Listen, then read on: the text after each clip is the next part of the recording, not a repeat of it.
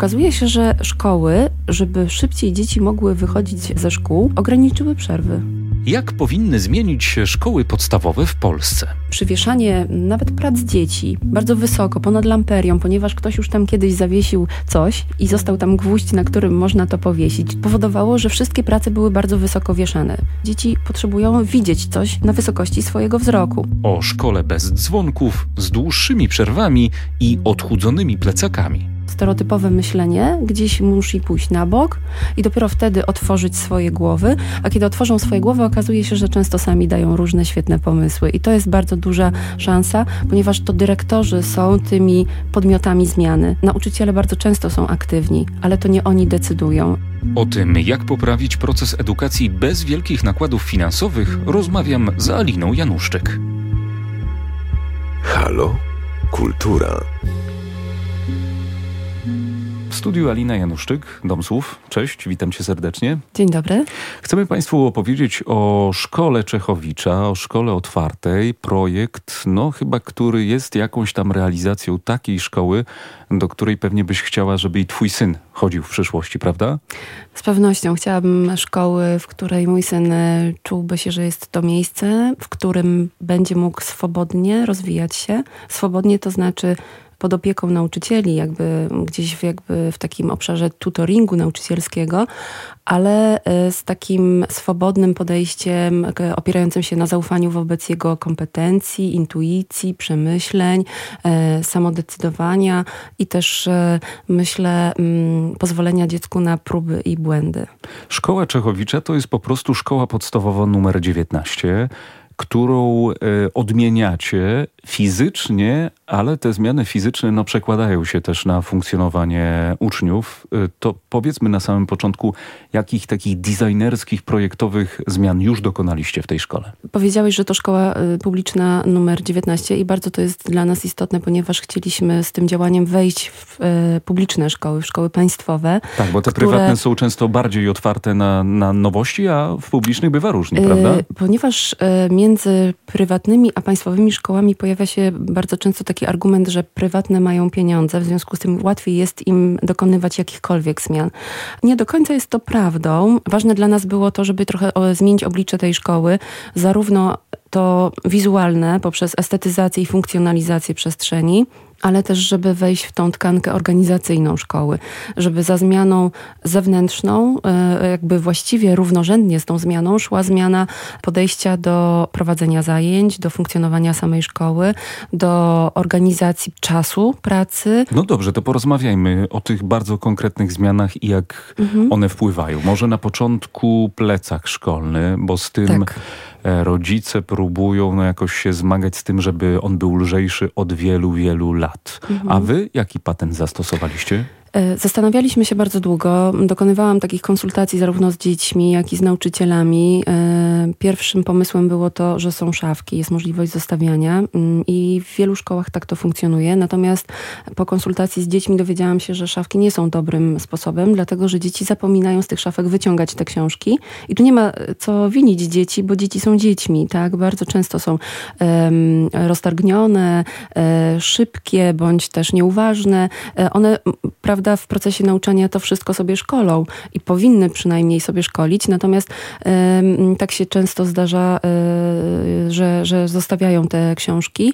Oczywiście pewnie nie wszyscy, no ale takie padały argumenty, że rodzice nie zgadzali się na zostawianie y, podręczników e, w szkole ze względu na to, że dzieci później nie miały się z czego uczyć w domu, a co wiązało się z tym, że nie były odrabiane lekcje. E, I proces nauki nie był kontynuowany w domu, więc dzieci powiedzmy miały troszeczkę powiedzmy lżej, natomiast rodzice niekoniecznie byli z tego zadowoleni. To co zaradziliście I na to? Zrobiliśmy e, to w ten sposób, że e, Wilksyty i owca cała, czyli podręczniki, które dzieci kupują, e, którym, które, które, którym, które nabywają rodzice dzieciom, zostają w domach i one cały czas są tam na miejscu i można się z nich uczyć. To już dowolność rodzica, czy kupuje używany, czy nowy podręcznik według własnych potrzeb i możliwości.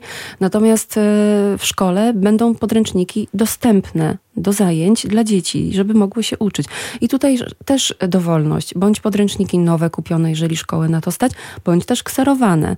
Bardzo często się zdarza, że w szkołach nauczyciele i tak stosują kserówki z podręczników, które dodatkowo sami przynoszą, które nie są obowiązkowe, ale chcą z nich korzystać. Więc dzieci są obeznane z kserówkami, zresztą idąc później dalej w edukacji na, na studiach, studiach te tony kserówek, które znamy, no rzadko kiedy książka towarzyszy studentowi, bardzo często jest to kserówka.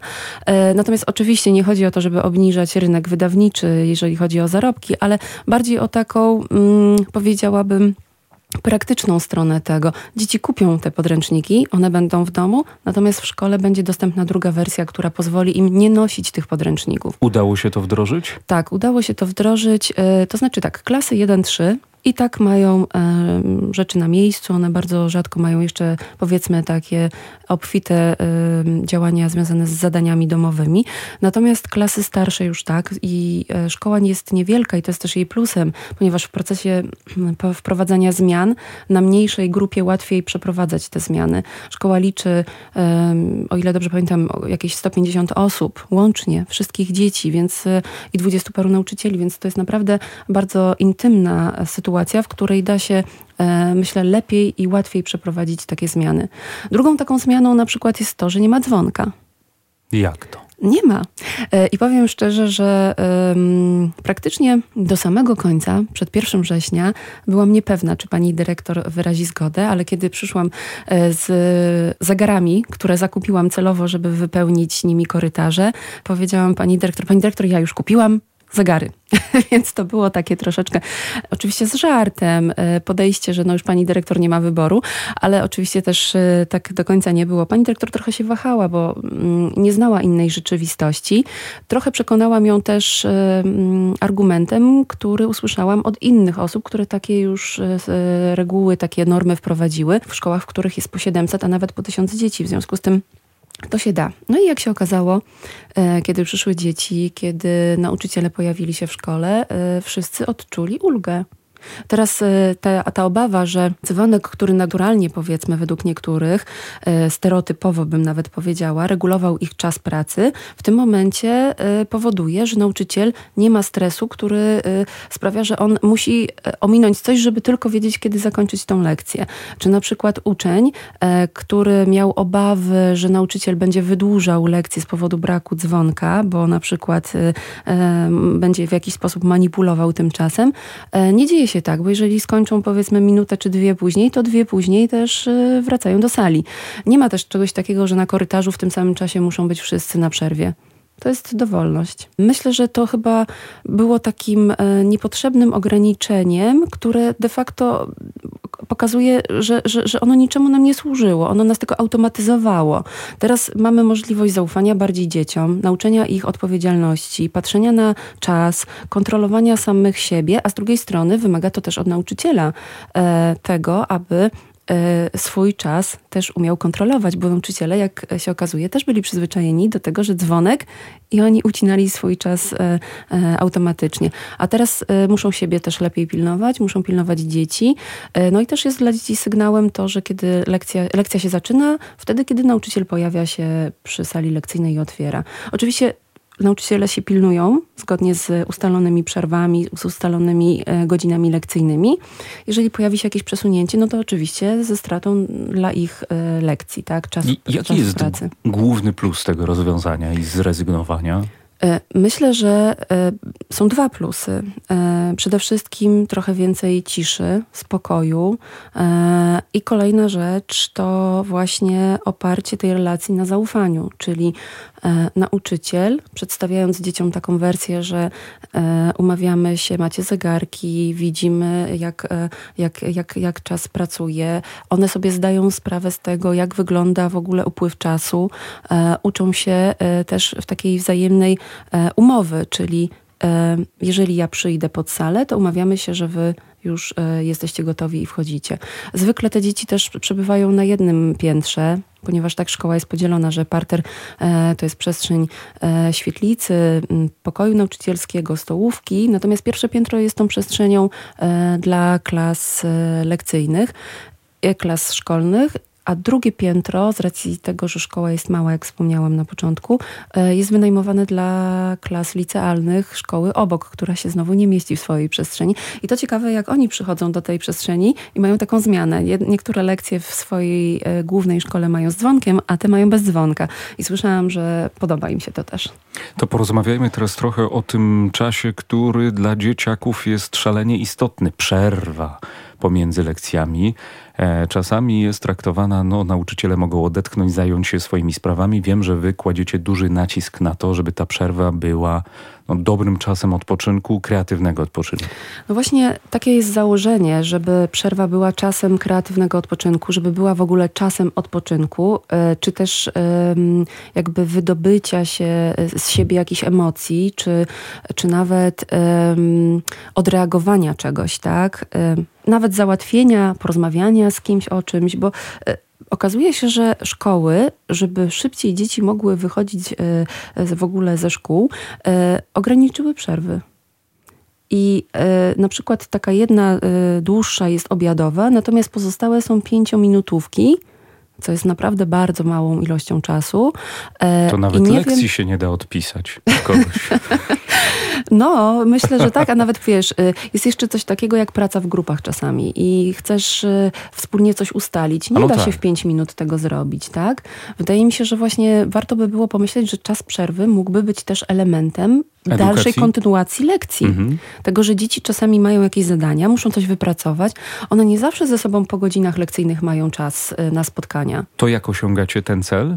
Jeszcze go nie osiągamy. Ale jest wiem, na... że, że, że, tworzycie Chcie... takie wyspy, tak? Chcecie tak, stworzyć e, wyspy. Jest to na razie rodzaj takiego e, impulsu, który mhm. wpuściliśmy do szkoły poprzez przekształcenie tych przestrzeni szaro-burych korytarzy z lamperiami i tak dalej.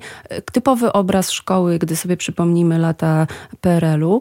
E, I tam e, po pierwsze wpuściliśmy trochę świeżości poprzez oczywiście odświeżenie mm, takie remontowe, pomalowanie trochę tych ścian, odświeżenie przestrzeni samej szkoły, samego tego przede wszystkim pierwszego piętra, bo tam dzieci przebywają. Natomiast e, dodatkowym elementem pojawiły się te wyspy kreatywne, które mają uruchamiać u dzieci eksplorację, poszukiwanie, badanie w danych obszarach tematycznych. I Jak to jest między innymi. Wyspy? Tak, jest to wyspa na przykład Ziemia, która e, dotyczy wszystkiego, co jest związane z Ziemią, czyli przyrody, e, funkcjonowania człowieka w naturze, zwierząt, e, wody, tak, e, a także mm, jest pretekstem do prowadzenia lekcji biologii, może nawet e, e, geografii, fizyki. Kwestia tego, jak sobie nauczyciele kreatywnie pomyślą, bo ja bym chciała, żeby te wyspy kreatywne nie funkcjonowały w sposób taki, że można wyjść do nich tylko na przerwie chciałabym, żeby uczniowie mogli z nich korzystać także podczas lekcji w odpowiednich momentach. Ale chciałbym wyobrazić sobie, jak ta wyspa wygląda. Co mhm. oznacza, że, że mogły się tam więcej dowiedzieć na temat Ziemi, mhm. wody i całej tak. planety? Przede wszystkim, w związku z tym, że szkoła jest imienia Czechowicza, trochę całość szkoły zaaranżowaliśmy inspirując się zarówno poezją Czechowicza, jak i jego postacią, biografią.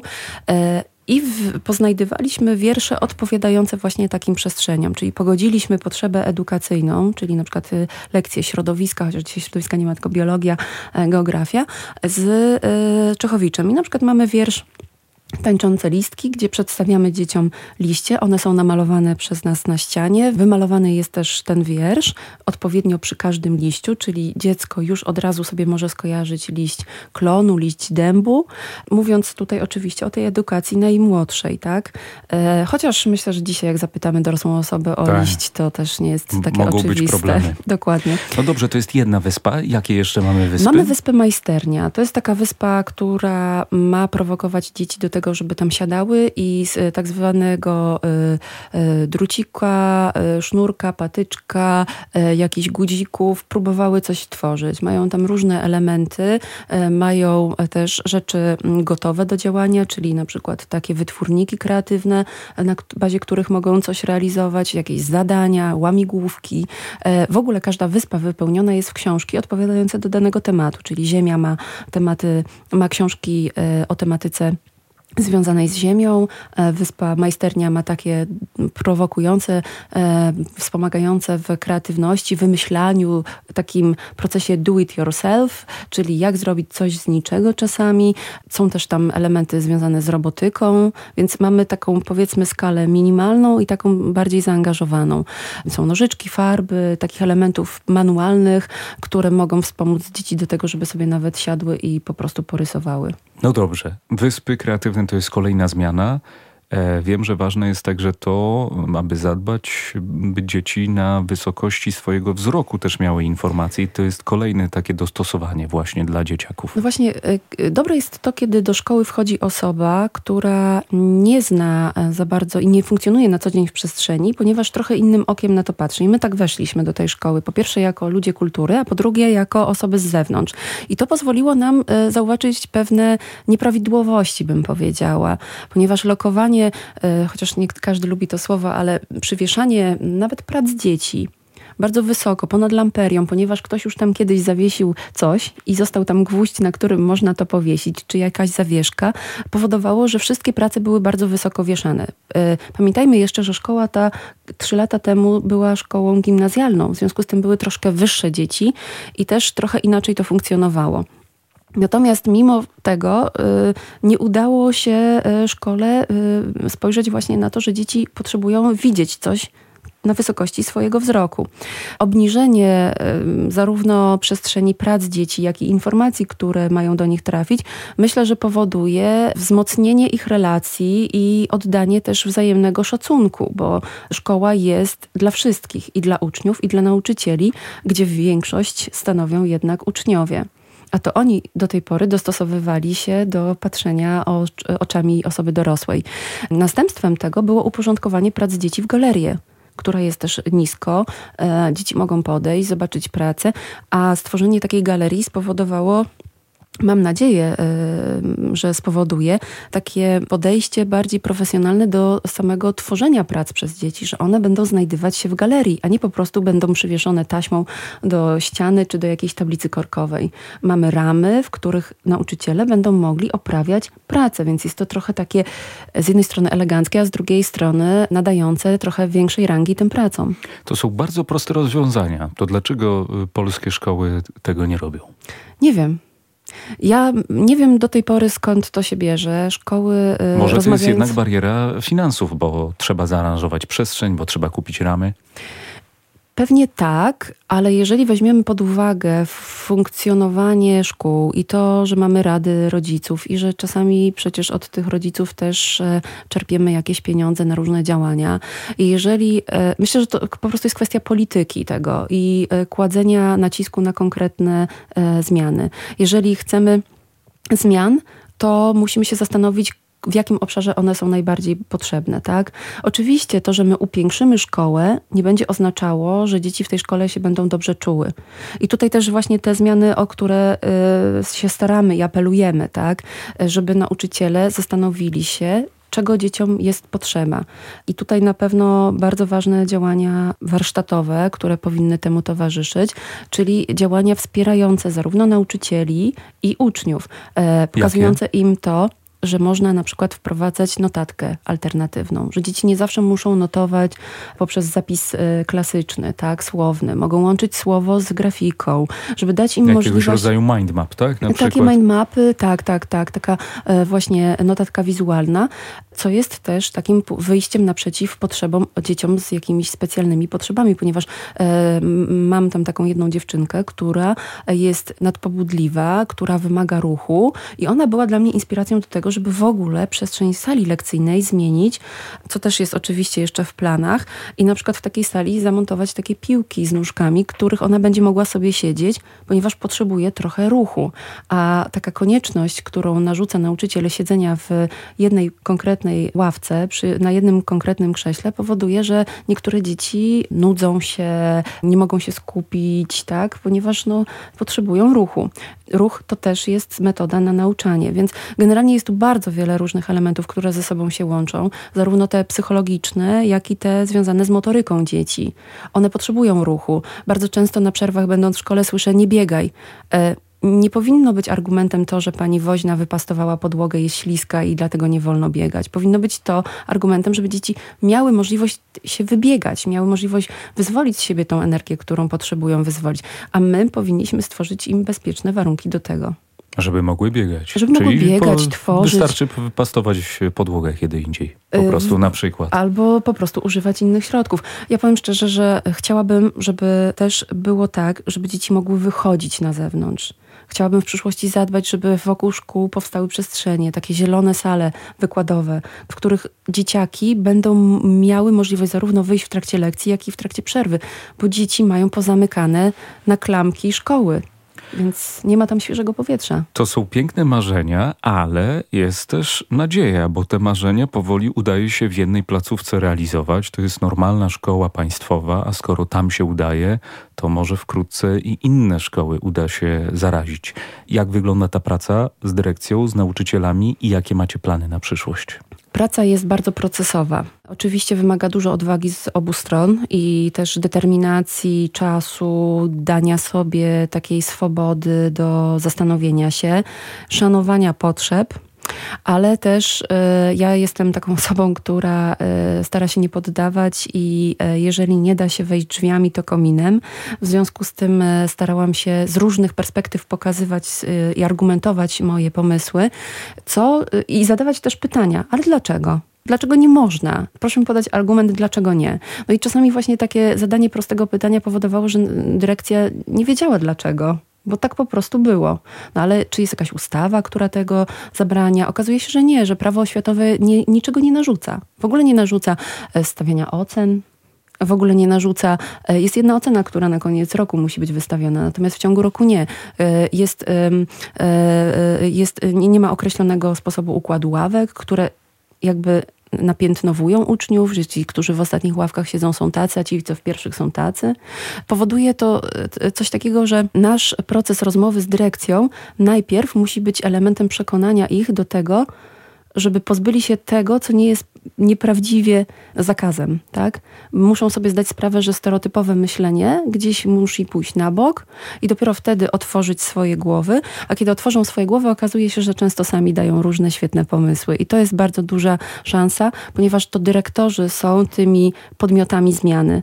E, nauczyciele bardzo często są aktywni, ale to nie oni decydują. I jeżeli trafimy na dobrą dyrekcję, to okazuje się, że wszystko jest możliwe. I powiem szczerze, że po tym projekcie okazało się, że wiele szkół jest zainteresowanych współpracą. I ja oczywiście jestem też chętna, pokazuję też e, taką e, ideę, że kultura i edukacja mogą być partnerami w rozwoju e, dzieci, natomiast musimy wspólnie ustawiać sobie tutaj te pola współpracy i nie traktować nas wyłącznie jako taką atrakcję, która przychodzi do szkoły, żeby coś wyremontować, bo na takie działania my się nie godzimy. Chcemy, żeby te zmiany zarówno przestrzenne, jak i te organizacyjno-mentalne podążały ze sobą. No i żeby obie strony były zaangażowane na tak. tym samym poziomie, prawda? To jest ważne. To co, teraz będziecie działać także w innych szkołach, czy chcecie po prostu stworzyć na razie jeszcze dopracowaną jedną placówkę, żeby później można było te rozwiązania przenieść do innych szkół? Chciałabym bardzo, żeby tę szkołę e, numer 19, szkołę Czechowicza e, dokończyć. Mm, żeby zrobić takie maksimum tych możliwości. Oczywiście wiąże się to z finansami, które ja jako instytucja kultury, a właściwie jako NGOs, bo przez, przez fundację pozyskałam pieniądze e, na realizację tych działań. Chciałabym dokończyć, żeby taki powiedzmy produkt finalny móc pokazywać, co już po części trochę się odbyło niedawno. Natomiast nic nie stoi na przeszkodzie, abyśmy też wychodzili do innych szkół i już zaczynali ten proces takiego powiedzmy kruszenia betonu. No najpierw. tak, bo zanim się e, pojawią realne działania, to trzeba jeszcze przeprowadzić wiele rozmów i sporo zmienić najpierw w głowach. Tak. U nauczycieli, u dyrekcji, u rodziców. I w ogóle sprawdzić, czy te placówki są na to gotowe, bo jest taka osoba, pani Ewa Radanowicz, która już e, w miejscowości Radowo-Małe od wielu lat próbuje takie działania podejmować. Jej się udaje przy dużej skali uczniów i dużej skali e, szkoły. W miejscowości bardzo małej i jakby się wydawało niedofinansowanej.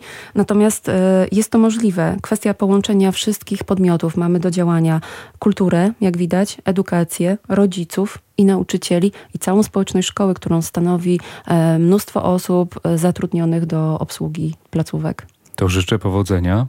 Bo to jest ciężka praca, ale pewnie i frajda też na jest, pewno, jak są te zmiany, nie? Na pewno fantastyczna, fantastyczne e, poczucie zmiany, które widzimy. Mam nadzieję, że będzie kontynuowane poprzez odwagę tych e, nauczycieli i dyrektorów, którzy podejmą się. A jeszcze powiem, że mamy w planach oczywiście nawiązać taką koalicję aktywnych e, dyrektorów, którzy będą taką, e, taką grupą od e, koalicji, nie wiem, zrzeszenia, nie wiem jak się to potoczy, e, otwartych szkół. I myślę, że wtedy w jeżeli będzie nas więcej, to będziemy mogli łatwiej i lepiej wpływać e, na zmiany w innych obszarach, a także może w kuratorium trochę więcej móc wspólnie wywalczyć. Alina Januszczyk, Fundacja Beatle i Dom Słów, a więc filia ośrodka Brama Grodzka Teatr NN. Bardzo Ci dziękuję za rozmowę. Dziękuję. Halo? Kultura. A ja zachęcam Państwa także do odsłuchu pozostałych rozmów, które są dostępne na kanale Halo Kultura Podcast. Tam między innymi rozmowa z reporterem Tomaszem Grzywaczewskim, filtrekorderem Tomaszem Mirtem czy Natalią Kukulską. Miłego odsłuchu.